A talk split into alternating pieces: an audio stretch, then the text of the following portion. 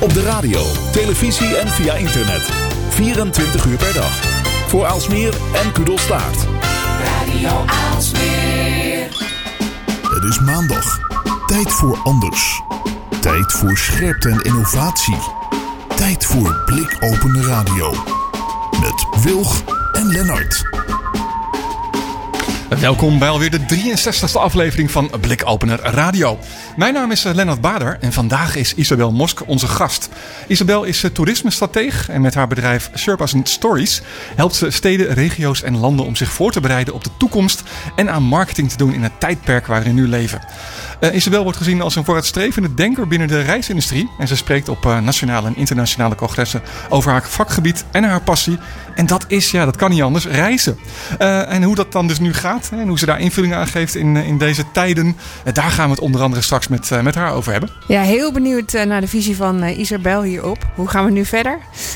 mijn naam is Esther Gons en vanavond verder in onze uitzending. Onze columnist Dimitri Vleugel, Dim op Twitter.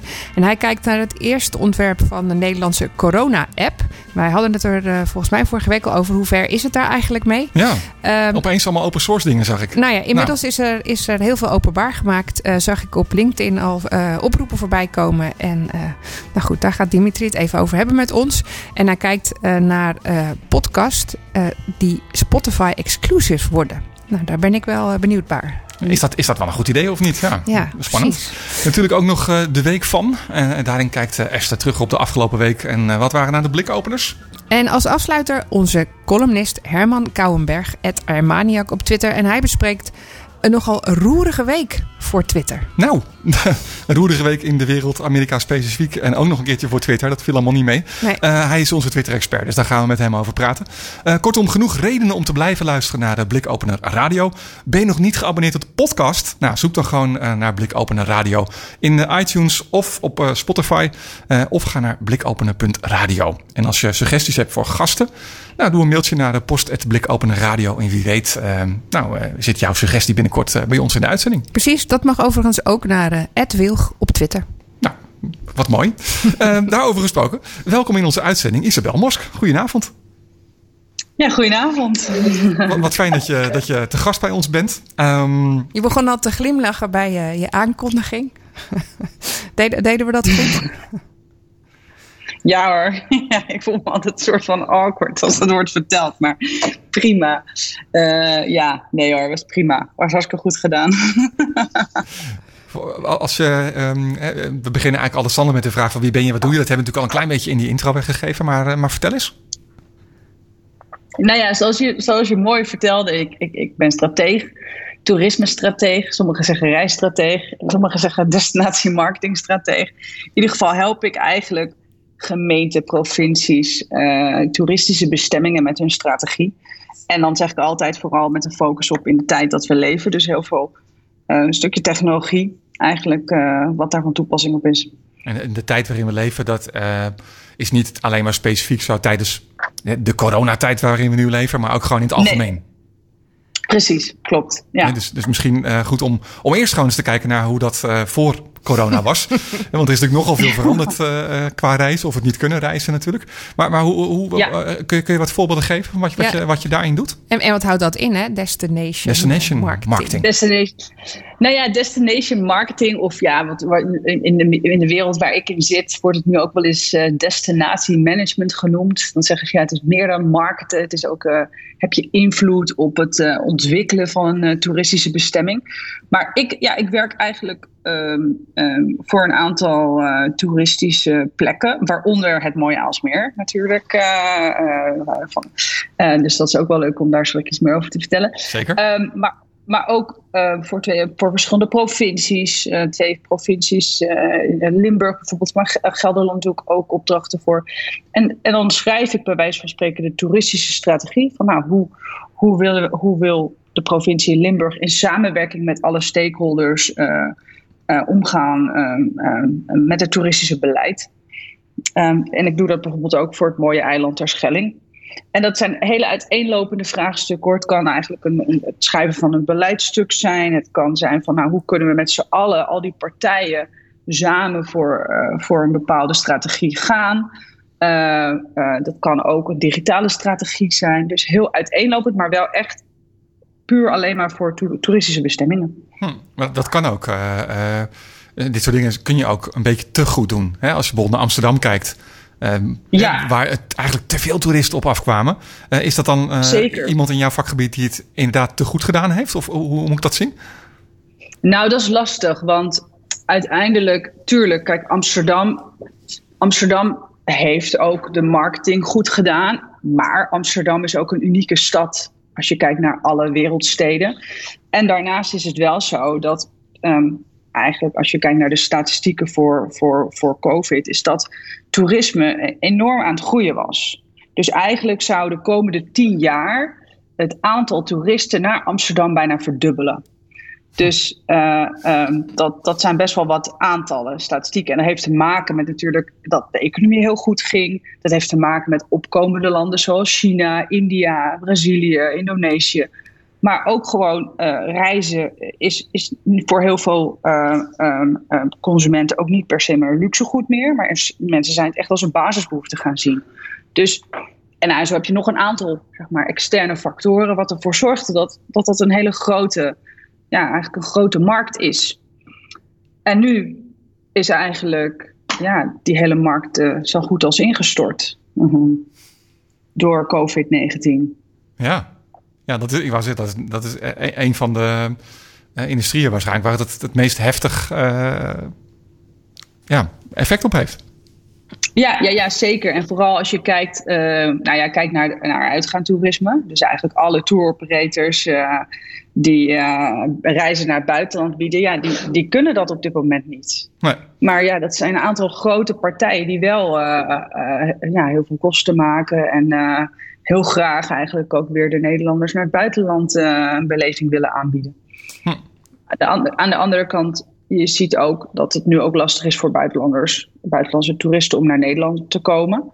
Omdat natuurlijk, uh, ja, onze grenzen, is nog steeds code oranje. Men hoopt dat dit woensdag, dat daar meer nieuws over is vanuit, uh, vanuit de overheid. Um, maar daarentegen zie je wel weer dat we op dit moment veel meer in Nederland uh, op vakantie willen gaan. Ja. Omdat het eigenlijk als een van, ja, een van de, uh, de enige mogelijkheid is, omdat de rest nog op code oranje staat. En dat men ook weer echt zoiets heeft van, nou, laat ik, uh, laat ik ons mooie Nederland weer een keer uh, herontdekken. Ja, maar dat is ook wel grappig, dat... want jij, jij, zei dus eigenlijk net al van, ik werk voor een paar provincies en ik werk nou, onder andere voor Alsmeer en Terschelling. Ja. dat zijn dus ja. eigenlijk allemaal bestemmingen in Nederland. Um, ja. is, is het zo dat je hiervoor, zeg maar, dat je uh, je dan met name richt op buitenlandse uh, toeristen en die wil laten zien van ja, maar er is meer in Nederland dan alleen maar Amsterdam? Of is, is het uh, ja. sowieso heel breed? Ja, nee, ik werk ook voor buitenlandse bestemmingen hoor. Alleen een van de, ja, die opdrachten zijn nu wat in een rustige vaarwater. Maar bijvoorbeeld voor een bestemming in Zweden die Nederlanders naar Zweden wil krijgen. Ja. Alleen dat is even on hold gezet, is uitgesteld.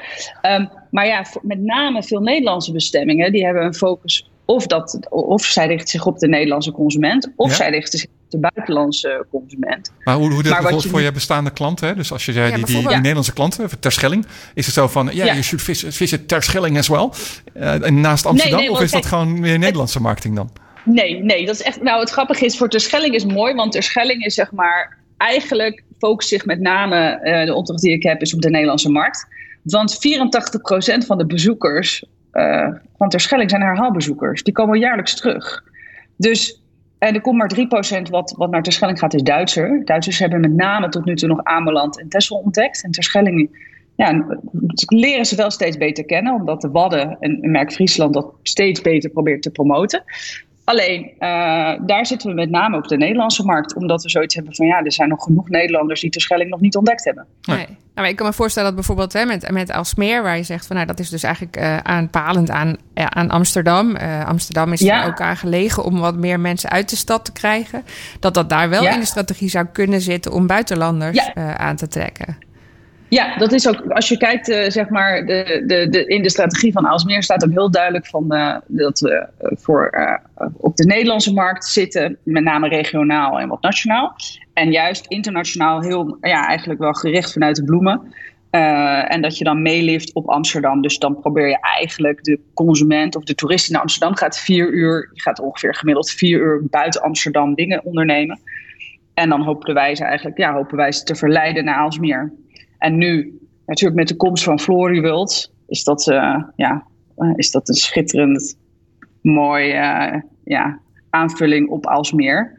Omdat er is geen enkele attractie in Nederland wat 365 dagen per jaar bloemen aanbiedt. Terwijl de meeste Nederlanders, of sorry, de meeste buitenlandse toeristen die de eerste keer naar Nederland gaan, heel graag het bloemenproduct willen zien. Kun je kort voor de mensen die het niet kennen uitleggen wat Floriwild is?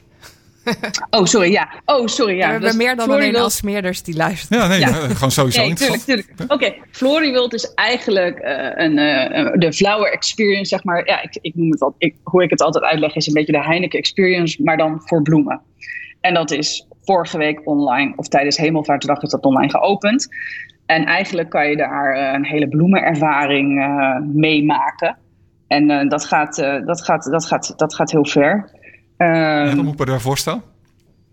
Ik heb het nog zelf niet ervaren. Ik heb alleen digitaal gekeken hoe het eruit ziet. Ja. Maar je hebt allerlei verschillende ruimtes waar je in kan. Waar je, hè, bij wijze van spreken, je kan volgens mij een foto, een, self, een, een selfie maken in een soort bloemenervaring. Uh, je kan in Amsterdam het gevoel hebben dat je, er, dat je in Amsterdam loopt en dat je de, de bloemen ziet. Maar volgens mij, ze doen ook even onderzoek naar um, wat de bezoeker van Floriworld um, Um, je krijgt een, speciaal bandje waarmee zij ook onderzoek doen naar wat de voorkeur is voor welke bloemen of welke belevingen je ervaart.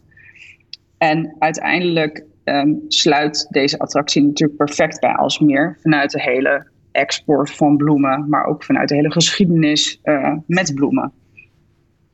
Ja, ik, uh, ik, ik moet er natuurlijk nog een keer heen als het echt uh, open gaat. Ik ben Ja. wel heel benieuwd. Ja, Ja. ik ook hoor. Ja. Ik ook, want ik ben er nog niet geweest. Maar eh, digitaal kan je het al ervaren. Ehm, maar als, ja, dus voor, voor Elsmeer is het zeg maar, en de focus zit op, op de Nederlandse markt, maar ook, eh, en dan kijk je veel en, en ook op de buitenlandse markt.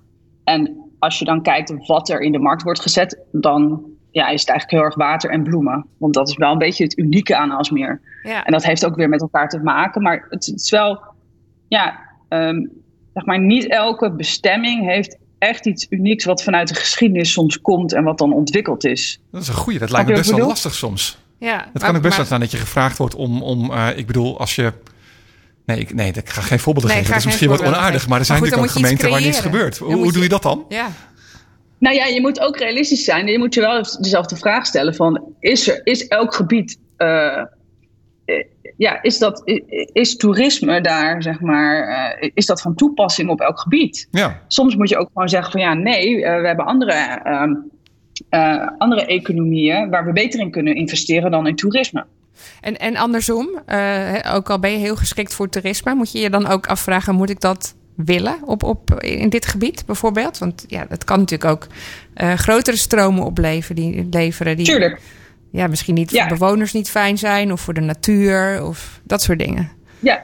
ja, en dat zie je natuurlijk met Amsterdam, dat zie je natuurlijk met Giethoorn. Dat daar is het, ja, daar, daar is het balans tussen bewoners en bezoekers is, is, is best wel, eh, ja, is, is, is, ja, is niet helemaal gelijk meer. En dat merk je helemaal. Ik woon zelf in Amsterdam nu. Eh, nu ik op dit moment, s'avonds loop ik heel vaak door het centrum. Het is bizar. Ik zie dingen die ik normaal gesproken nooit zag, omdat het gewoon altijd maar druk is. Ja. Stad. O- dat Overigens geldt- is het aan de randen waar echt nog mensen wo- wonen echt super druk. Eh, de baarsjes bijvoorbeeld is heel druk. Ja? Want daar, daar vallen de toeristen niet weg, want daar wonen nog Amsterdammers. Oh ja Tuurlijk, tuurlijk. Ja, nee, tuurlijk, tuurlijk. Ja, en dat, valt, en dat valt in het centrum veel meer op natuurlijk. Dus zie je wel dat het steeds drukker wordt. Maar je hebt wel een punt. Ja, je, daarom, daarom is het ook goed om soms ook eh, over je toeristische strategie na te denken. Want op het moment dat je er niet over nadenkt en je zegt: Oké, nou ja, laten we, het, laten we het opengooien voor toeristen. En het is een attractief gebied. Hè, het moet wel iets hebben wat natuurlijk toeristen trekt Ja. dan kan dat ook de andere kant op gaan. En daarom is het juist belangrijk, en dat doen we bijvoorbeeld bij, eh Vista, bij Aalsmeer ook. Hè, dat is, Vi- eh, eh, Vista Aalsmeer is gestart vanuit de gemeente. Eh, maar we werken ja, heel erg goed samen met ondernemend Aalsmeer. Om ook te kijken van ja, wat willen we wel, wat willen we niet. Hoe kunnen we samen optrekken. Eh, ehm, en ook de gemeente luistert natuurlijk ook naar de bewoners. Hoe, hoe zij er tegenover staan. Ja. En dat, dat geldt, en dat is elke keer anders. Want de ene keer is het zeg maar een onafhankelijke stichting. De andere keer ligt het bij de gemeente. Vanuit de Schelling ben ik bijvoorbeeld door de ondernemers ingehuurd. Dus ja, het is elke keer eh, op een andere manier in een structuur gevormd. Hey, en, en die strategie, want eh, ik begrijp dat je dus ook heel erg digitale middelen bij inzet. Hè? Je zegt het is vanuit Ja. het nu. Eh, kan Ja. je die stromen ook, zijn die een beetje te sturen met, met die digitale middelen? Kan je zeggen van nou, we moeten nu eens even met, met de hashtag ergens anders op richten, want er gebeuren verkeerde dingen. Dus we zien de stromen de verkeerde kant op gaan. Of is dat zo onvoorspelbaar dat je daar niks mee kan? Nou, laat ik zo zeggen, dat, dat drukke bestemmingen willen dat wel graag proberen. Amsterdam heeft dat ook een tijdje. Die kijkt dan echt naar datastromen, hoe mensen lopen. En kunnen we dan bij wijze van spreken daar invloed op uitoefenen... door bijvoorbeeld als mensen dan in de rij staan bij een museum te zeggen van... nou, dat is op dat moment druk, misschien moet je in de middag gaan. Dus dat, maar dan ga ik meer inzicht geven dat mensen niet kunnen wachten. Ehm, Ehm, maar ik vind, dat, ik vind dat echt invloed uitoefenen direct soms nog wel lastig. Omdat je vaak als bestemming ehm, niet per se ehm, een partij voortrekt. Of niet per se een ondernemer voortrekt. Dus dan, dan, zou je, dan, dan heb je ook weer met belangen te maken vanuit nee, ik verschillende ondernemers. meer. Ik zeg Ja. bijvoorbeeld dat bij, hè, bij de. Bij de digitale, bij de sociale media die nu ingezet worden vanuit eh Visit Asmeer. Nou, dat kan ik natuurlijk zien, want ik, Ja. ik weet dat dat Ja. gebeurt. Ja. Eh, dat de, dat de, de, de zwaarte van de dingen die daar ingezet werden verschoven is van... nou, wij willen toeristen of mensen uit de buurt of eh, komen naar Alsmeer... naar, hé, hey, eh, Alsmeerders, eh, dit zijn jullie ondernemers... Eh, eh, eh, koop, koop ook bij hen, vergeet ze niet, dit is jullie Ja, dorp. ja. En, en Ja, dat bedoel oh ja, ik eigenlijk met van, nou, je, Ja, daar sorry, stuur je ja. eigenlijk ook mee. Ja, nee, ja. Maar eigenlijk nadat, nadat bekend werd dat eh, natuurlijk eh, ehm, ja, door COVID de hele wereld op zijn kop eh, is, is gezet, hebben wij eigenlijk gelijk gekeken van oké, wat is de strategie die we nu gaan hanteren? En dat is echt het ondersteunen van alle lokale ondernemers. Dus toen hebben we dat gelijk ook omgezet en, en, en op een andere manier aangepakt. En dan geloof ik wel dat je daar enige invloed op hebt. Want als je kijkt naar de, de volgers die je hebt, dat zijn ook veel mensen uit Alsmeer of uit de regio. Ehm, ehm, dus ja, als je dat goed inzet, dan kan je daar denk ik wel enige invloed op uitoefenen. Ja. En dan, eh, en, en dan toch iets bereiken met je, met je strategie, sturend eigenlijk zijn. Ja, nou ja, ja, en ook ondersteunend aan die, aan die ondernemers. En dat is ook natuurlijk vanuit de gemeente. Wordt er ook altijd gekeken van ja, hoe, hoe, hoe ondersteun je eh, de ondernemers? En hoe kan je ondernemers zeg maar, faciliteren op, op zo'n goed mogelijk gebied? En dat doe je eigenlijk dan ook op het gebied van toerisme, maar dan doen we het vanuit Visit Alsmeer. Ja, ja. Hey, ehm, oh, jij wilde Nee, ga jij, jij zei, eh, je zei al eerder, of uh, Lennart zei al eerder over jou, of, nou, ze heeft het natuurlijk zelf uh, ook als passie reizen. Uh, en Ja. jij zei zelf net ook al van, ja, reizen is een soort van, uh, nou ja, het eerste, eerste levensbehoefte geworden. Uh, ik weet Ja. dat dat voor jou ook een, een beetje de, de passie was. Uh, of is misschien Is nog steeds, hè? Ja, Ja, ja. Hoe, hoe, is, ben je vanuit die kant uh, deze wereld ingerold? Wat, hoe, hoe ben je Wat is je hier verhaal? gekomen? Ja, nou ja, eigenlijk wilde ik als, als klein meisje al de wereld over reizen. En uh, uh, ik denk ook doordat ik door vele boeken geïnspireerd ben geraakt. En, uh, en toen wist ik eigenlijk al, toen ik een middelbare school had gedaan, van nou, ik moet in Breda gaan studeren, want dat is de hogeschool voor toerisme. Dus dat heb ik toen ook netjes, oh ja, netjes afgemaakt. En, en, en toen heb ik een paar jaar daarna gewerkt.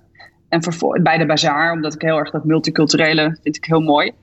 En toen ben ik uiteindelijk eigenlijk de wereld gaan, uh, gaan zien. En op mijn 27ste ben ik toen ook uh, gewoon voor lange periode weggegaan. En dat was eigenlijk op basis van een van die boeken die ik dan ook, zeg maar, gelezen had. Dat ik heel graag naar China en Tibet wilde. En dus via de Trans-Mongolia Express. Dat was eigenlijk mijn eerste echte lange reis. Of tenminste lang. Ik was daarvoor al wel wat op vakanties geweest naar Marokko en Indonesië. Maar dat, dat is wel een beetje de... Ja, dat heeft het alleen maar voor gezorgd dat ik ja, nog meer plekken wilde ontdekken. Ja, en, en lang, want, want dan denken mensen misschien aan twee maanden. Maar vertel, hoe lang was je? Oh, sorry, nee, ik was negen maanden. Of ne ja, negen maanden. Negen maanden was ik op pad. Echt een wereldreis. Dus, uh, ja, dus echt een wereldreis. Beginnend in Moskou en dan zo met de Trans-Mongolia Express naar, naar China, Tibet, India, Nepal heb ik een tijdje gezeten. En toen naar Zuidoost-Azië. Omdat ik heel erg, ik ben wel echt een Azië-liefhebber. Uh, ik heb veel landen in Azië al gezien. En echt wel ook een beetje apartere landen zoals ja, Noord-Korea. Maar ook bijvoorbeeld in Iran. Dus ik probeer wel ook een beetje soms de landen te kiezen die... Moeilijk, ja, moeilijker zijn. Ja, ja. Wat grappig. En is, is, toen je terugkwam, had je toen zoiets van... Nou, ik wil eh, gaan ondernemen hierin en ik, ik, ben, ik, ga, ik begin mijn bedrijf? Of was het niet zo? eh, zo? Nee, ja. nee, toen ik terugkwam ben ik bij het Nederlands Bureau voor Toerisme gestart. En toen mocht ik eigenlijk, was ik de eerste, eh, was, was ik de eerste online consultant daar. Dus toen mocht ik allerlei nieuwe dingen eh, ja, gaan ontwikkelen. Van een social media strategie tot een, een, een, een kennisplatform tot een app. En eigenlijk ben ik zo ook een beetje in de hele, ja, veel meer in de digitale kant van marketing beland. En, en, en, en, en dat heb ik een aantal jaar gedaan. En toen ben ik weggekaapt door een bureau die dat voor wereldwijde ver- verschillende bestemmingen deden. Dus toen mocht ik het opzetten. En eigenlijk nu vijf jaar dat ik het zelfstandig doe als onafhankelijke consultant. En dan heb je ongeveer alles eh, wel gezien. Eh, eh, maar je, je hebt, zie ik, ik zie ook Niet in jouw vragenlijst nog heel veel wensen. Ehm, Ja. Maar dat is natuurlijk door COVID wel lastiger geworden. Hoe, hoe, wat is jouw visie op hoe dat straks gaat? Heb jij een visie op hoe dat zou moeten met, met ja, toerisme of, of met, met, met, met die destination marketing? Zie jij Ja, al dingen? ja. Nou, het, wordt me, het wordt me vaker gevraagd van ja, wat zijn nu de trends en ontwikkelingen? Ik vind dat wel lastig om daar een uitspraak over te doen, want het is echt koffiedik kijken. Ja. Maar goed, ik heb natuurlijk wel, ik, je hebt natuurlijk wel al eh, Dick Benschop van Schiphol en eh, de CEO van KLM die zeggen van nou, het gaat nog best wel even duren, duren voordat die vliegreizen weer op peil zijn. Dat, eh, dat kan best nog Ja. vijf jaar duren.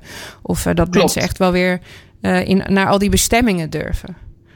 Ja, dat klopt. Ik denk wel dat je ziet dat dat gaat natuurlijk, dat, dat, dat gaat, dat gaat zeg maar, eh, dat, dat duurt wel wat langer. Alleen wat de vraag is, gaan we uiteindelijk terug naar de tijd voor COVID? Bijvoorbeeld als een stad, eh, zoals, zoals de stad in Amsterdam. Of is het zo dat we hier echt bewust van zijn van ja, maar zo kan het niet langer. We moeten, zo kan het niet langer. We moeten echt duurzamer gaan reizen. En ja, ik, ik vind dat lastig, want het hangt er ook vanaf hoe lang dit gaat duren. Als dit bijvoorbeeld, als het zeg maar twee jaar, twee jaar gaat duren voordat er een vaccin is, dan denk ik dat ons gedrag al meer aangepast is dan dat we bij wijze van spreken dat veel sneller krijgen. En, eh, dan zie je wel weer dat het gewoon weer teruggaat, misschien naar zoals het was. Alleen dan wel langzamer, dat het weer, dat kost wel een aantal jaren.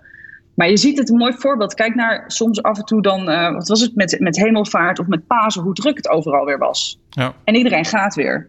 Dus eh, stel dat ze woensdag aangeven, oh we mogen weer op reis. Dan is de kans groot dat een groot gedeelte ook gewoon weer gaat. En dan ook een grote groep zal zeggen, ja, ik vertrouw het allemaal nog niet. Eh, weet je, het is nog onzeker. Ik wacht, ik ga, ik ga op vakantie in eigen land. En dat zie je wel nu meer, dat mensen veel meer op vakantie in eigen land gaan. Het lijkt me ook voor jou Maar- een lastig, eh, ja, niet moreel dilemma bijna, maar eh, ik kan me voorstellen, hè, gewoon even heel eh eh, eh, sec genomen, dat het misschien niet zo slim is als je nu, eh, als we in Ne- Nederland weten dat het, we het aardig voor elkaar hebben qua, qua beheersing van COVID nu. Dat gaat, dat gaat goed Ja. hè, door alle social distancing, et cetera. Dat het misschien helemaal niet zo'n slim idee is als iedereen weer in de vliegtuig gaat zitten. Even gewoon Nee, ja, Naar Amerika of zo. ja, weet je dat. Maar, dan, dat- Ja, ja. maar als je dus in de, in de, in de toerisme marketing zit, ja. dan wil je aan de ene kant natuurlijk heel graag dat mensen wel naar die bestemmingen gaan. Of, of Ja. toch weer niet. Of dat lijkt me best wel lastig.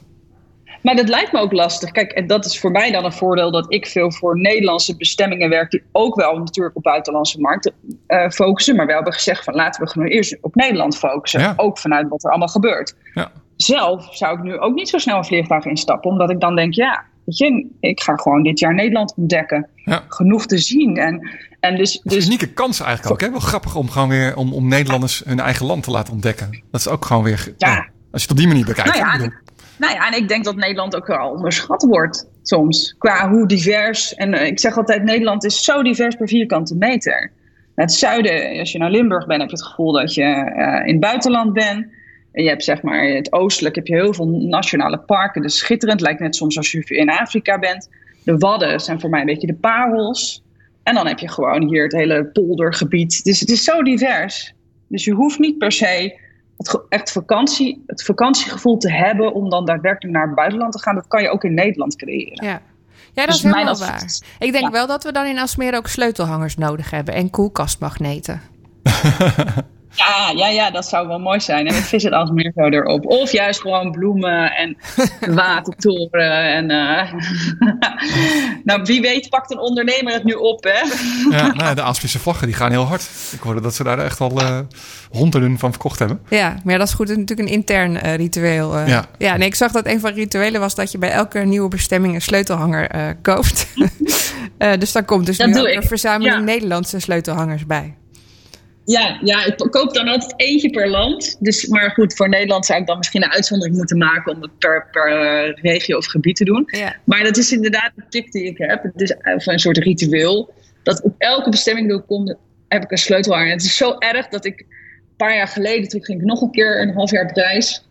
En uh, uh, toen had ik in Brunei, kon ik gewoon geen sleutelhanger vinden in die drie dagen. Dat ik een paar jaar geleden aan iemand gevraagd heb uh, van wil je deze meenemen? Want ik kon hem gewoon niet vinden. En toen heeft diegene hem gekocht voor mij. Om toch je verzameling compleet te maken. ja, en ik weet nog steeds niet wat ik ermee doe. Maar gewoon het feit dat ik dan ja, iets uit het, het, het land heb. En ja. dat is makkelijk altijd met de sleutelhanger. Ja, of een koel, ja de meeste, tenminste, ik heb dat met koelkastmagneten. Hm. Maar dat is oh, net zo. Ja, ja, ja. Hey, als, als we nog even teruggaan naar um, uh, vooruitziende blik of uh, advies. Stel dat uh, de Nederlandse overheid jou zou contacten. van, goh, ja. Isabel... Uh, dit is het probleem. Hè? De grenzen gaan uh, weer een beetje open. Mensen mogen weer reizen. Maar ja, eigenlijk als overheid willen we liever dat ze in Nederland. Wat, wat, wat zou je adviseren aan de overheid nu? Op reisvlak of op toerismevlak? Oeh, lastig. Weet je waarom dat lastig is? Omdat de overheid bij beide industrieën, zeg maar, economisch belang heeft. Precies.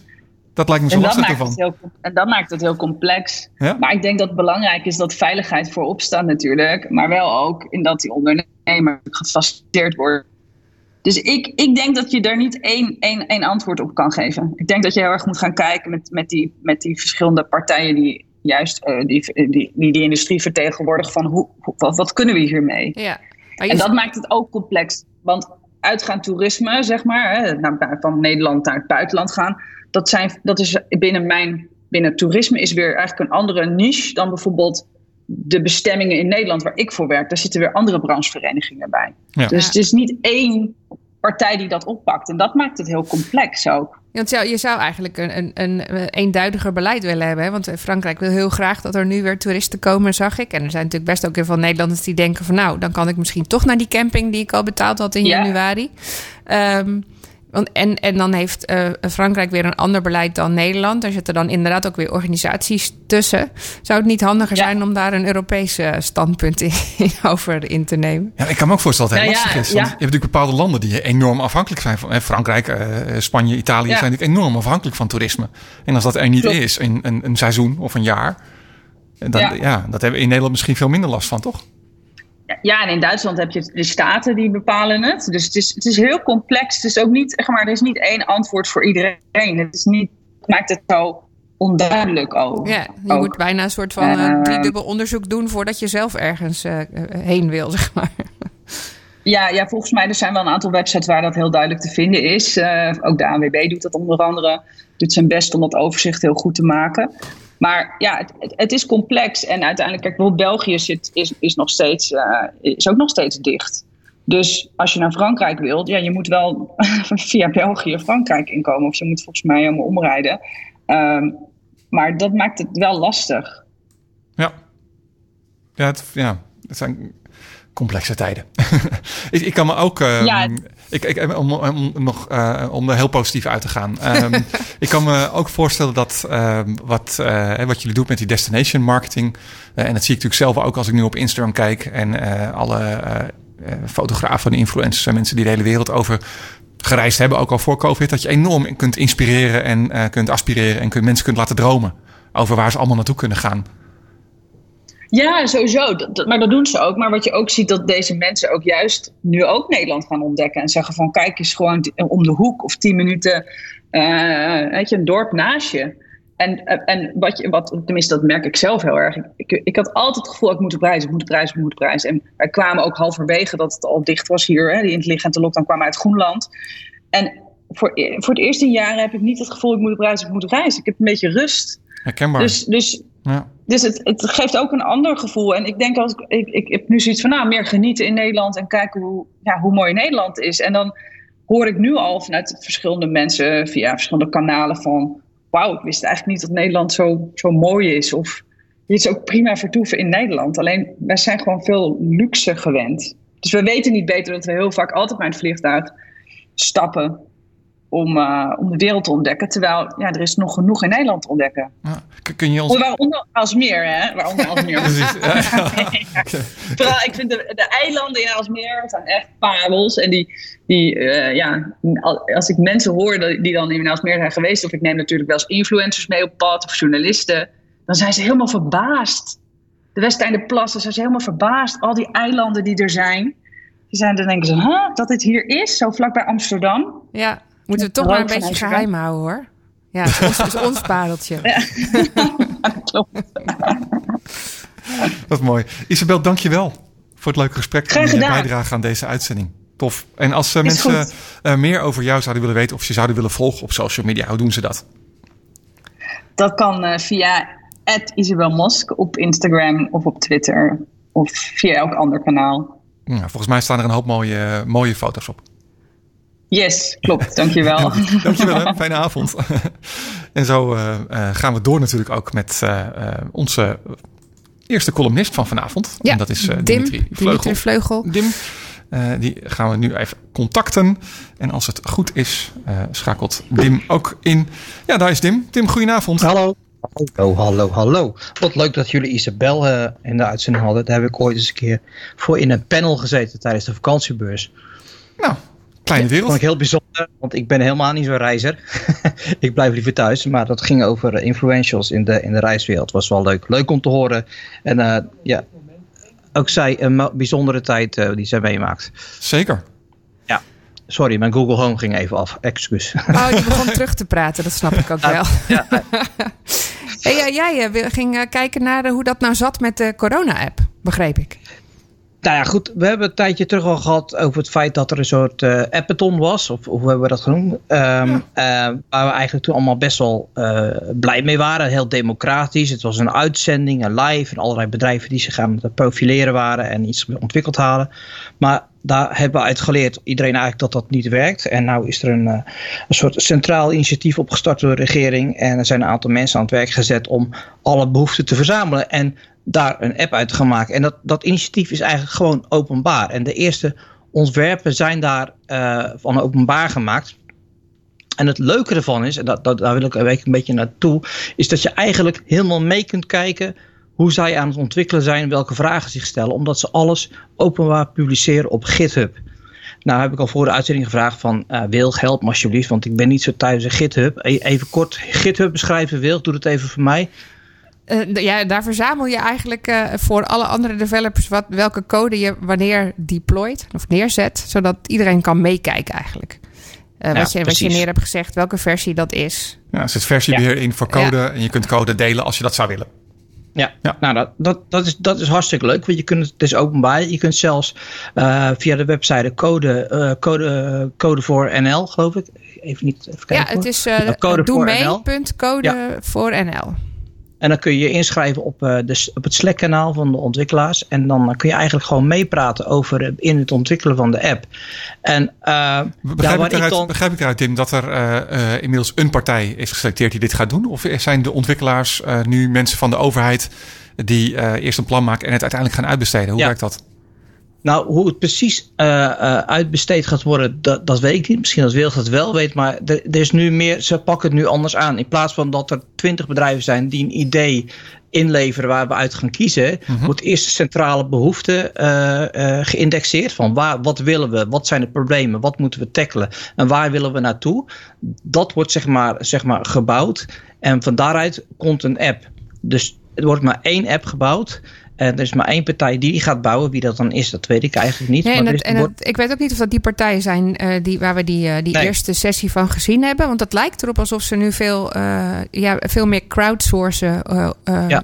en, en op die manier bezig zijn. Ik zag op LinkedIn in mijn netwerk ook een oproep voorbij komen van iemand van het ministerie van Volksgezondheid. Die zei: Ik zoek iedereen die expert is op het gebied van dit soort development en, en of UX. Eh, roep ik op om de beste mensen in dit vakgebied uh, nu hier te noemen. Zodat we ze kunnen aansluiten als ze dat willen op het Slack-kanaal. Zodat er uh, met wow. zoveel mogelijk goede mensen naar gekeken kan worden. Ook hoe het eruit moet zijn, hoe, hoe het eruit moet zien. Dus bijvoorbeeld Jelle Prins, die al eerder um, een initiatief was gestart om, om uh, hoe maak je nou zo'n app voor iedereen in Nederland toegankelijk. En dus, dus ook voor mensen die, die daar slechter mee om kunnen gaan. Wat moet je dan, wat voor soort dingen moet je dan hebben? Nou, die hadden al voorbeelden gemaakt. Die is, die is bijvoorbeeld ook al uh, meteen aangehaakt van denk dan alsjeblieft mee op dit platform. Ja. Ja, nou, maar dat, dat is voor mij uh, als niet-techneut uh, het mooiste is eigenlijk dat, dat, uh, dat we allemaal mee kunnen werken aan iets wat voor iedereen is. Uh, het algemeen belang. En we hebben natuurlijk vroeger altijd heel veel kritiek gehad op onze regering of regeringen. Van nou ja, ze bedenken zelfs wat in hun ivoren torentje en dat gooien ze dan zeg maar over ons uit. Maar nu is de kans, en dat is echt democratie ten top, om daar allemaal wat over te zeggen. En ik vind ook, als die app er is, en mensen gaan klagen, ja, dan heb je geen recht meer van klagen. Want je hebt, je hebt eigenlijk uh, tijd genoeg gehad om je daar uh, weerbaar op te maken. Dus uh, dat vind ik heel mooi. Ik ben ook heel benieuwd wat eruit komt. Het is grappig ja. dat het sentiment ja. nu heel erg gekeerd lijkt. Ja, nou ja, en het is natuurlijk ook zo dat uh, Apple nu ook in de laatste release uh, die, die mogelijkheid al heeft toegevoegd om, om voor ja, overheidsapps daar toe te voegen. Dus Google het lijkt, ook, ja. ja dus het ja. lijkt ook heel logisch uh, dat, dat je daar nu heel makkelijk op aan zou kunnen sluiten. Ja, nou ja, om het, om het onderwerp af te ronden is eigenlijk van nu en voor altijd blijkt maar weer hoe belangrijk onze smartphone is geworden in ons hele dagelijks leven. En dat het ook voor dit soort zaken gewoon eigenlijk onmisbaar wordt. Uh, ja, in het gebruik. Het is, het is niet meer. Eigenlijk moet het verplicht zijn dat iedereen een smartphone heeft. Gewoon, dat is je, het moet gewoon een soort basisrecht zijn, omdat je daar ook heel veel van dit soort zaken mee kunt uh, reguleren. Maar ik vind het een mooi proces uh, en ik ben ook erg benieuwd uh, wat daaruit uit gaat komen. Ik denk Wilg ook. Ja, ja, want ik zag inmiddels ook alweer artikelen voorbij komen die zeiden van ja, is het, is het wel nodig en, en hoe gaat het ons helpen? Is dat, dat, is, dat lijkt nog steeds onduidelijk. Is het nog ja, wel maar, nodig? Ja, ja is het nog wel nodig? Ja. Ja, nou ja, dat sowieso. Zeker. Maar we wonen, in, we wonen in Nederland en er is altijd op, op elk positief geluid is dat een negatief tegengeluid. Maar dat is ook goed. Uh, maar het, het, kan nooit, nooit, het is natuurlijk nooit dat 100% van de mensen zegt dat het, uh, dat het een goed proces is. Er is altijd een, een tegengeluid. Maar goed, uh, positief. Uh, iedereen kan meedenken, meekijken. En um, ik ben erg benieuwd wat eruit komt. Het tweede waar ik op, uh, op in wilde gaan, en iets uitgebreider eigenlijk, is iets wat ons allemaal wel bezighoudt. Uh, binnen Blikopende Radio. En omheen is eigenlijk het fenomeen podcast. Dit is eigenlijk ook een podcast. Zeker. Radio slash podcast. Ja. En um, ja, er is, toch wel een soort uh, marktverschuiving aan het plaatsvinden. De afgelopen jaren was podcast voor iedereen. Hè? Je maakt een podcast en die kon je eigenlijk overal hosten. Op je eigen webserver. Je kon hem als mp3'tje mailen. Uh, Google, Apple, dat kon allemaal. Maar we zien nu steeds meer eigenlijk dat podcasts zo belangrijk worden. Dat ze weggekocht worden door één partij. En dat is Spotify. Spotify is op het moment onwijs veel aan het aan het investeren. Ik heb eventjes uh, zitten tellen, maar het zit al over de half miljard heen wat ze geïnvesteerd hebben in, uh, in podcast. Half miljard? Wauw. Ja, nou ja, om even te zeggen, ze hebben 400 miljoen besteed om uh, Anchor, Parcast en Gimlet Media te kopen. Ze hebben een podcast, twee podcasts gekocht, Ringer en iets met Bill nog wat, voor bijna 200 miljoen. Nou ja, Seth Rogen was het grootste nieuws. Die hebben ze 100 miljoen betaald. Uh, voor mij is er nog eentje die ook uh, binnengehengeld is. Dus ze zitten al ver over de half miljard heen en dat gaat nog wel eventjes door. Um, wel een logisch, er staat een heel goed artikel op The Verge eigenlijk. Van, vanaf nu is het in de podcastwereld Spotify tegen de rest van de wereld. Want Spotify, normaal als je een liedje afspeelt op Spotify, dan moet Spotify daarvoor betalen aan de eigenaar van het liedje en de uitvoerende artiest. Ja. Maar dat hoeft met podcast niet. Nee. Daar, daar, daar, hebben ze geen recht over te betalen. Dus elke ad die ze daarin draaien is 100% omzet voor Spotify. Dan ligt het aan het contract wat ze hebben natuurlijk met de, met de, met de, met de partij die daar uh, exclusief voor werkt. Maar in het geval van Seth Rogen heeft hij gewoon 100 miljoen gehad. En krijgt hij waarschijnlijk helemaal geen uh, omzet, uh, omzet meer. Um, ik vind het een, een, een, een heel interessant gegeven. Aan de ene kant vind ik het heel mooi dat dit medium volwassen is. Maar aan de andere kant is mij de vraag die ik dan even aan jullie wil stellen. Is van, is dit wenselijk? Lennart, jij als podcast mongol. Ja, ik vind het lastig. Ik bedoel, ik, uh, ik zou denken, ja, ik heb Spotify. Um, uh, wel handig. Uh, maar ja, nou ja, eigenlijk zou je willen, zeggen, willen dat, het, dat het breed toegankelijk blijft.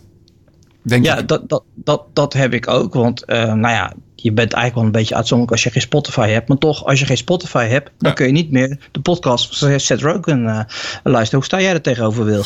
Maar het, het is ook tegelijkertijd, sorry dat ik je onderbreek, maar eh, er zijn natuurlijk ook bepaalde series eh, en dingen die je ook alleen maar op Netflix kan kijken. Ja, dat gebeurt natuurlijk heel erg nu met al die streaming Ja. deze diensten. Dat ze content naar zich toe gaan trekken. Ja, dat is eigenlijk hetzelfde. Ja. En ik vraag me ook af of, joh, of als podcastmaker het moet willen dat je dan als soort van afgekocht wordt. Terwijl je Dat is het misschien meer. Terwijl je succes misschien eh, over drie jaar heel groot is en je daar niks meer van merkt. Dus de vraag is natuurlijk, gaat dat businessmodel twee kanten op werken?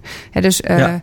blijft Spotify dan de grootste en komen er dan meer van dat soort diensten? Of wil je juist eh, in een ander kanaal dan? Want er zijn natuurlijk heel veel podcasts die nu gewoon echt lekker luisteren als een spannende serie. Dus en met- daar, daarin valt het wel te vergelijken met de Netflixen en de Amazons die nu, nu Ja. ontstaan. Maar hoeveel heb je daar dan voor over als luisteraar? En, en hoe, hoe zit dat als maker? Eh, en nu zie je ook dat er in, in hele goede Amerikaanse podcasts vrij veel reclame tussen zit.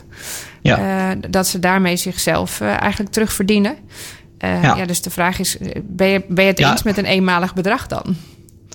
Nou ja, Joe Rogan verdiende afgelopen jaar 30 miljoen euro met zijn podcast. Jeetje. Ik, eh, even een moment stilte. 30 miljoen Ja, euro. dat halen we net niet met Eh, blikopener. Nee, Spotify, Spotify kan, on, ik, ik lees het hiervoor uit The Verge, on the, on the low end al 3 miljoen per maand incasseren aan, eh, aan, eh, aan ads. Alleen al van Joe Rogan. Dus da, daar zit wel muziek in. Ja. Het is natuurlijk heel snel hoe dit zeg maar vercommercialiseerd wordt. Um, het is, het is natuurlijk wel de vrijheid van het internet. Dit was echt zo'n zo'n weet je, piratenradio dingetje, podcast. Want iedereen kon het maken met 100 euro aan spullen. Kun je gewoon een hele mooie podcast maken. En ja, dat blijft ook wel zo. Alleen de pareltjes gaan wel weggekocht worden. En dan krijg je hetzelfde probleem. Is dat, dat uh, Jay-Z zijn tracks alleen maar op zijn eigen streaming gaat, weg, gaat, gaat uitbrengen. Waardoor je eigenlijk altijd verplicht wordt om meerdere abonnementen te hebben. Waardoor het eigenlijk heel duur wordt om media te bekijken en te luisteren. Het verschil met Spotify of met Netflix is dat Netflix zelf heel veel content maakt uit eigen beweging. En niet content wegkoopt. Gebeurt ook wel, maar het is wel iets minder. En wat Spotify nu doet, is gewoon uh, hele goede content niet meer beschikbaar maken van mensen die geen Spotify meer hebben. Dat, dat vond ik een, een, een onwijs interessant gegeven. Ja, maar dat gebeurt natuurlijk ook net zo goed bij, bij uh, diensten als Disney en Netflix die strijd hebben. En omdat Disney ja. zijn eigen dienst ging opzetten, uh, ja. alles bij Netflix weggetrokken heeft. Ja. Zodat of Marvel, alle, Mar ja, of dat alle Marvel-series gewoon niet meer daar te zien zijn. En dat is natuurlijk, ik, ik denk dat, dat daar wel een vergelijking getrokken worden, kan worden. Sterker nog, misschien kijkt Spotify wel heel erg naar die uh, streamingdiensten nu. Nou ja, dat kan. Ik, ik zat, ik, in, mijn hoofd um, denk ik ook, ja, het is voor het hele podcast, podcasten. In het algemeen is het goed dat Spotify dit doet, omdat ja, 80% van de Nederlanders gebruikt Spotify. Dus het, het komt steeds dichterbij om van mensen om podcast te gaan luisteren, wat ook goed is voor Blik Open Radio en voor ja. mijn podcast die ik doe. Het, het komt dichterbij. Uh, het is misschien ook makkelijker om geld te gaan verdienen. Je kunt geld verdienen in Nederland, Nederland met een podcast. Want ik zat een podcast over media te luisteren. Die kennen je ook wel. Ja. Er was uh, soms Schimmelpenning te gast van onder andere op één en de hoofdredacteur van Quote. En die heeft een podcast, die heet de Zelf Podcast. Zelfs podcast. Zelf, ja. Zelfs podcast, ik zeg het goed. En die heeft nu ook sinds kort een soort betaalmodel waardoor je extra content kunt krijgen. En die schijnt al gewoon een paar duizend abonnees te hebben. Die sommige 3 euro, maar andere 6 tot 9 euro per maand betalen. Dus het, het, is gewoon mogelijk om Nederland om daar gewoon een zakcent mee te verdienen. En dat vind ik wel een heel mooi gegeven. Dat mensen echt wel bereid zijn om te betalen. Uh, voor goede content. En dat schijnt dan ook weer een voortvloeisel te zijn uit het coronacrisis tijdperk ding geval gebeuren. Hebben we daar toch iets moois mee mooi. gekregen? Ja, ja, nou ja dat, dat, dat, dat, dat, vind ik mooi. En ik, ik ga dat uh, zeker de komende tijd met heel veel belangstelling uh, volgen. Wie weet belt Spotify volgende week wel naar, naar jullie. Nou. Hey, Blik Open Radio, we wanna buy you. Voor, ja, dat, uh, dat zou ik heel mooi vinden. We gaan er eens goed over nadenken. Ja. Dankjewel hey, voor dit inzicht. Ja, dankjewel voor je bijdrage ook, Dim. Als mensen jou willen volgen, hoe doen ze dat? At Dim op uh, Twitter, at Dim underscore NL. En gewoon anders uh, even op uh, Instagram en anders gewoon even googlen. Kom ik altijd wel tevoorschijn. Hartstikke mooi. Dim, dankjewel hè. En tot een volgende keer. Hoi hoi. dan gaan wij door, naadloos. Ja, naar mijn week. De week van, ja. ja mijn week die stond uh, in het teken en vrijwel volledig, want daar had ik het vorige week al over, uh, van SpaceX. Ja. Uh, ik, ik zat klaar op de bank.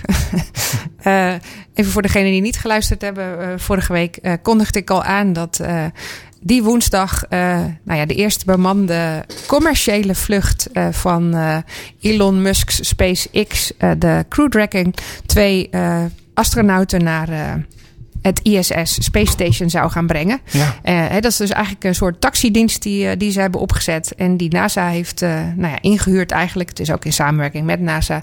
Om nou ja, bemande vluchten heen en weer te reizen tussen ISS en uh, en, de, en de aarde. En Elon Musk ziet dat als een soort eerste stap naar, uh, naar het bevolken van de ruimte. En, en zijn visie van een, van een station op de maan om dat te kunnen doen. Dus die, die zag je heel blij. Maar goed, woensdag zat ik op de bank en gebeurde er vrij weinig. Popcorn erbij, alles, maar niks Popcorn erbij, alles. Maar afgelast vanwege slecht weer. Maar wat er, daar, wat er daardoor wel zichtbaar werd, was uh, een andere proefvaart. Uh, van een net zo interessant uh, voertuig. En dat was een elektrisch vliegtuig. Oh. In Amerika is er een, een bedrijf die een, een, een, test heeft gedaan met een volledig elektrisch vliegtuig. Uh, en in plaats van uh, waar ze nu heel erg mee bezig zijn, van die grote nieuwe vliegtuigen te gaan bouwen die volledig elektrisch zijn, waarvan ze zeggen kan nog jaren duren, want hoe krijgen we zo'n Boeing, weet ik niet, zo'n grote jongen in de ja, lucht, ja, elektrisch en dan batterijen. ook nog naar de andere kant. Ja. Zij denken veel kleiner. Zij zeggen van dat, dat moet ook anders kunnen. En ze hebben een Cessna Caravan. Dat is zo'n zo'n vliegtuig dat in Amerika nog heel veel gebruikt wordt in het bedrijfsleven, maar ook gewoon voor passagiers. Er worden heel veel gevlogen, omdat ze daar gewoon ook. Er kan misschien 10, 20 man in of zo. Zoiets. Nou, daar kunnen 10 man in, zeg ja? maar. Uh, en zij vliegen nog veel meer binnenlandse vluchten. En het is ook logischer om daar die vliegtuigen te gebruiken. Ja. Die hebben ze omgebouwd tot een volledig elektrisch vliegtuig. Dan kunnen er maximaal vijf mensen in. en daar hebben ze mee gevlogen. Een eerste, een eerste vlucht van 100 mijl. met 750 horsepower. En dat is gewoon zo'n propellervliegtuig, die Cessna. En ja. die wordt daar ineens heel stil van. Oh ja. En je bespaart zo'n 80% op die, op die uh, uh, wat is het nou, een soort dieselachtige... Kerosine. Ja. ja. maar niet helemaal dezelfde kerosine als die je in die grote vliegtuigen gebruikt. En dat is eigenlijk heel interessant. Want in plaats van dat iedereen zich focust op die grote vliegtuigen... wat gebeurt er als je dit soort vliegtuigjes ombouwt? Waardoor het eigenlijk heel goedkoop wordt. En het logische wordt om op kleine vliegveldjes dat soort... Uh, nou ja, hopjes te maken uh, krijg je een heel ander model. Dus ik vond het eigenlijk een heel interessante ontwikkeling. Maar niet, wat niemand eigenlijk zag aankomen. Want iedereen is bezig van hoe kunnen we nou elektrisch groot vliegen. Terwijl zij dus al een vliegende eerste Cessna hebben gemaakt. Grappig. En dat vond ik, uh, maar ook inderdaad op basis van een bestaand beproefd vliegtuig. Op basis van een bestaand en, vliegtuig. Uh. Zoals het bij, hè, bij auto's was dat natuurlijk ook zo. Maar ik, ja, niet iedereen zag dit zomaar aankomen. Want iedereen was nog bezig van... ja, maar hoe vervangen we nu de huidige vliegtuigen? Dus ik vond het eigenlijk wel een hele mooie. En uiteraard gaan ze ervan uit dat door ontwikkeling in de batterij... je ook nog wat verder zou kunnen vliegen. Maar de eerste vlucht is in ieder geval uh, gelukt. Nou, en verder was ik natuurlijk heel blij met... Uh, met wel de SpaceX-lancering op zaterdag. Uh, waar die Crew Dragon dan een, zo uitziet alsof ongeveer een Tesla. Uh, de pakken, de schermen die in dat ding ja? zitten. Ik heb het niet uh, gemist, maar ik heb ja. niet, niet, gekeken nog. Maar ik ga terugkijken. Maar het dat is echt prachtig. De, de raket schiet ze af, maar komt dan vervolgens ook keurig weer terug oh ja. op de millimeter. Op een heel groot, volledig geautomatiseerd vliegtuigschip. Dat dan ergens bij Ierland ondertussen al, al vaart. Alsof het heel normaal is. Die zijn op elkaar helemaal zo uh, ingespeeld uh, op de centimeter. Heel bijzonder eigenlijk allemaal. Dat dat, dat, dat helemaal, helemaal goed dat ging. kan in deze dat tijd het gewoon. kan, ja. Knap. En iedereen zat ook voor de buis gespannen van lukt het? Uh, maar uiteindelijk vliegt die, die raket met die crew tracking al vrij vaak heen en weer om goederen te leveren aan de ISS. Dus, dus het was alleen de eerste bemande vlucht. En bemande vluchten naar ISS waren natuurlijk ook al mogelijk. Hè? Dat deed NASA natuurlijk al vaker. Nou ja, NASA voor de laatste keer deed dat in 2011. En waren, ze waren tot nu toe afhankelijk van uh, Russische raketten... Ja. Uh, om astronauten de ruimte in te brengen. Ja. Uh, maar dit is de eerste commerciële vlucht. Want ze worden, Tesla of SpaceX wordt betaald om die vluchten te doen. Zeg maar de taxi-servers naar de ISS. Ja. Als je het zo bekijkt. Goed, dus ik vond dat uh, prachtig om te zien. Uh, een, uh, een ander nogal technologisch ding wat mij be bezig hield was eigenlijk mijn dochter. Oh, die, nou, dat is ook, die had tentamens. Ja. Uh, en zij zat uh, keurig klaar voor het tentamens toen ze zei: uh, Oh jee, paniek, want mijn laptop doet het nu niet. en ik kan alleen met, met tentamen doen. Dat was eigenlijk een examen. Het was redelijk afhankelijk voor, de, voor haar cijfer of ze door kon of niet. Um, want er moet toegang dan zijn tot microfoon en camera, maar dat moet overgenomen worden door de software die ik moest installeren. Ja. Uh, dus wij hebben eens gekeken naar dat, uh, naar dat programma dat, uh, dat geïnstalleerd moest worden. Kwam het uit Israël toevallig? het is een surveillance software die geïnstalleerd moest worden op de computer. Ja. Um, en inmiddels hebben daar de, de studenten van, het heet Proctorio, de studenten van de UvA, hebben, zijn inmiddels al naar de rechter gestapt. Uh, ze moest namelijk een scan van haar kamer maken. Ze moest haar bureau laten zien. Ze moest de muur laten zien. Ze moest de bed en alle, dingen, alle andere dingen in de kamer laten zien, laten zien. De camera en de microfoon bleven aanstaan tijdens dat examen. Uh, en dat was al nog, nogal intrusive eigenlijk. Ja. Uh, nou ja, goed. Ook wel log logisch aan de andere kant dat je natuurlijk veel voorkomen dat mensen spieken en dat soort dingen. Dus daar moet je iets van toezicht op hebben. Ja, maar moet maar dat dan op deze manier? Of, Ja, nee, hè? Dus uh, precies, hoe, hoe ga, je daarmee, ga je daarmee om? Want ze had namelijk de week ervoor een open boek tentamen gehad. Waarbij ze ook met toezicht, uh, met een camera wel van iemand die daar zat, een tentamen maakte. Maar die zei van ja, ik ga ervan uit dat je het zelf goed doet. En net als bij open boek tentamen vind ik het helemaal niet erg als je iets opzoekt. Schrijf je aantekenen op. Misschien moet je gewoon een ander soort tentamens bedenken. Ja. Uh, maar die studenten van de UvA vonden het dus ook iets te. En die zijn uh, vanwege privacyrechten naar de rechter gestapt. Om uh, te kijken of dat eigenlijk wel mag wat hier gebeurde. Hmm. Interesting. Ja. En ik hoorde ook dat mensen het moesten aangeven als er iets bijzonders gebeurde in hun kamer. Uh, zodat dat wel wat van invloed zou kunnen zijn op de, de surveillance. He, dus als bijvoorbeeld, uh, ja, maar de deur kon niet dicht en mijn kleine broertje stond te huilen in de gang. Dat soort dingen. Dat daar heel veel van dat soort uh, uh, berichten ook doorgegeven waren. Ja, dat klopt. Want omstandigheden. Het werd, het werd ook, dat moest je van tevoren doen. Want het is zo dat het een systeem is die geflekt wordt. En Ja. alle, alles wat geflekt wordt, dus als, als zijnde van uh, dat zou wel eens iets niet Ja. goeds kunnen zijn. Dat moest iemand gaan nakijken. En, en dan kon je het misschien net niet allemaal goed zien. Nee. Zo vonden ze het handig als je dat van tevoren even aangaf. Nou, moderne tijden, dames en heren. Daarover gesproken, uh, als afsluiter deze week, ons toetje van de week, uh, riepen we vroeger altijd. Uh, Herman Kouwberg, het Hermaniak. Herman, goedenavond. Goedenavond. Nou, je had nogal een drukke week met Twitter. Er gebeurde nogal wat. Ja, ja, ja laten, laten we eerst even de, de, de kleine nieuwtjes uit de weg ruimen. Dan hebben we die niet aan het eind nodig. Je kunt voortaan tweets op het web inplannen. Dus uh, in, in de datum vooruit zetten. En je kunt uh, tweets nu ook bewaren. Als je gewoon op het uh, kruisje klikt, dan kun je zeggen dat de tweet bewaard moet worden. Maar dat was niet het nieuws wat Twitter beheerste. het nieuws wat Twitter beheerste was dat Twitter als eerste een tweet van Donald Trump als gefactcheckt heeft, laten we het zo even noemen. En daar was hij niet blij mee om op zijn minst te zeggen. Nee, ja? Nee, want wat, wat gebeurde er op Nee. Twitter? Wat, wat, wat zag je precies? Wat, wat, wat betekent dat, dat fact-checken? Nou, uh, een hele hoop mensen zeggen dat hij gecensureerd uh, wordt. Nou, dat is dus niet het geval. Maar onder zijn tweets uh, kwamen in blauw een extra mededeling te staan dat factcheckers deze, de inhoud van die tweet als ja, zeg maar als onwaar of uh, twijfelachtig uh, hadden geclassificeerd.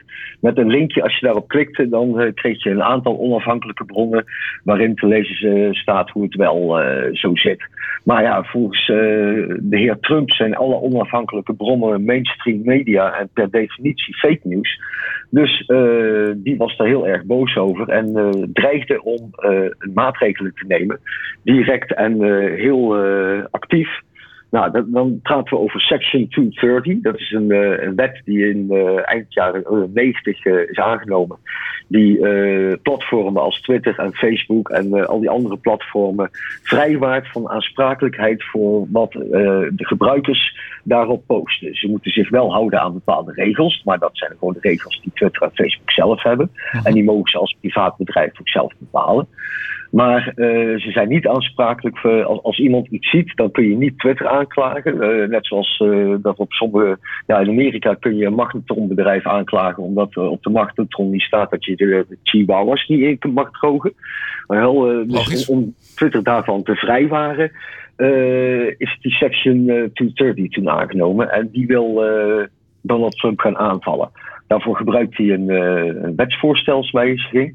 Hij noemt het een executive order, maar de FCC die dat moet gaan uitvoeren, die heeft helemaal niks over Twitter te zeggen. Dus uh, dat moet een wetswijziging worden. En, Moet ook nog even maar, checken. Uh, ja. ja, die is twee jaar geleden is die al, uh, is die al uh, geprobeerd een keer in, in leven te roepen. En die is toen ook al afgewezen saillant detail is dat Joe Biden uh, die sectie ook wil aanpassen. Dus uh, in, in, dit geval zijn beide presidentskandidaten eigenlijk voornemens om daar iets aan te doen. Dat kan nog spannend worden na november. Maar het grappige is ook als uh, dat in werking zou treden, dan zou Twitter dus aansprakelijk worden voor de inhoud van het platform. En ik denk dat ze al dan als eerste Donald Trump gaan verwijderen omdat je wil, Twitter wil niet verantwoordelijk zijn voor de tweets van uh, Donald Trump. Dus dan uh, raakt hij zijn hele platform gewoon, gewoon kwijt. Nou, ik vond eigenlijk het antwoord van, van Twitter op dat, op dat dreigement van nou, we gaan die sectie 230 aanpakken en we gaan Twitter aanpakken.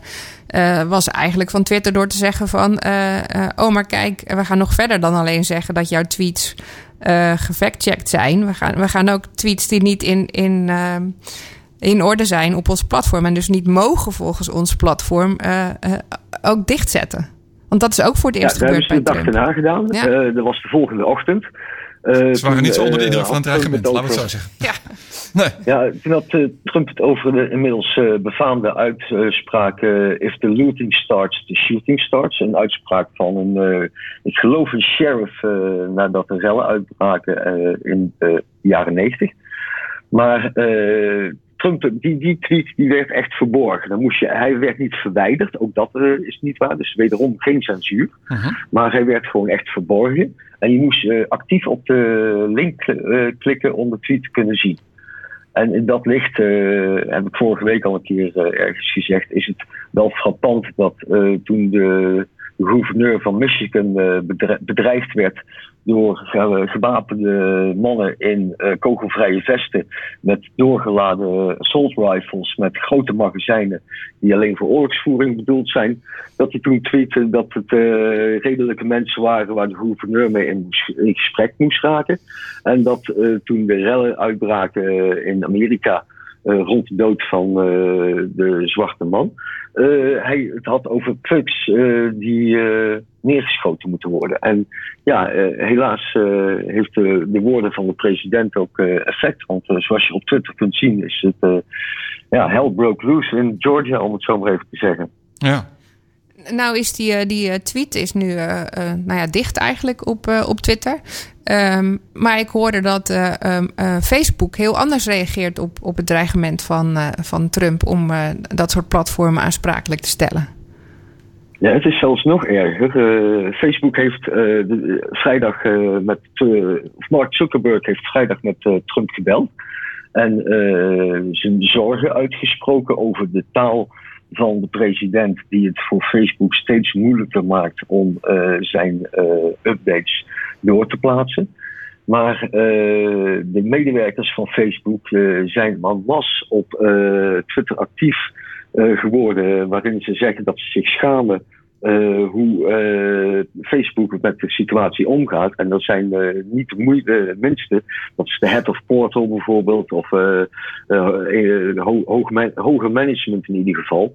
En het schijnt zelfs zo te zijn dat op de interne communicatieplatformen mensen hun avatar in een Twitter-avatar veranderen.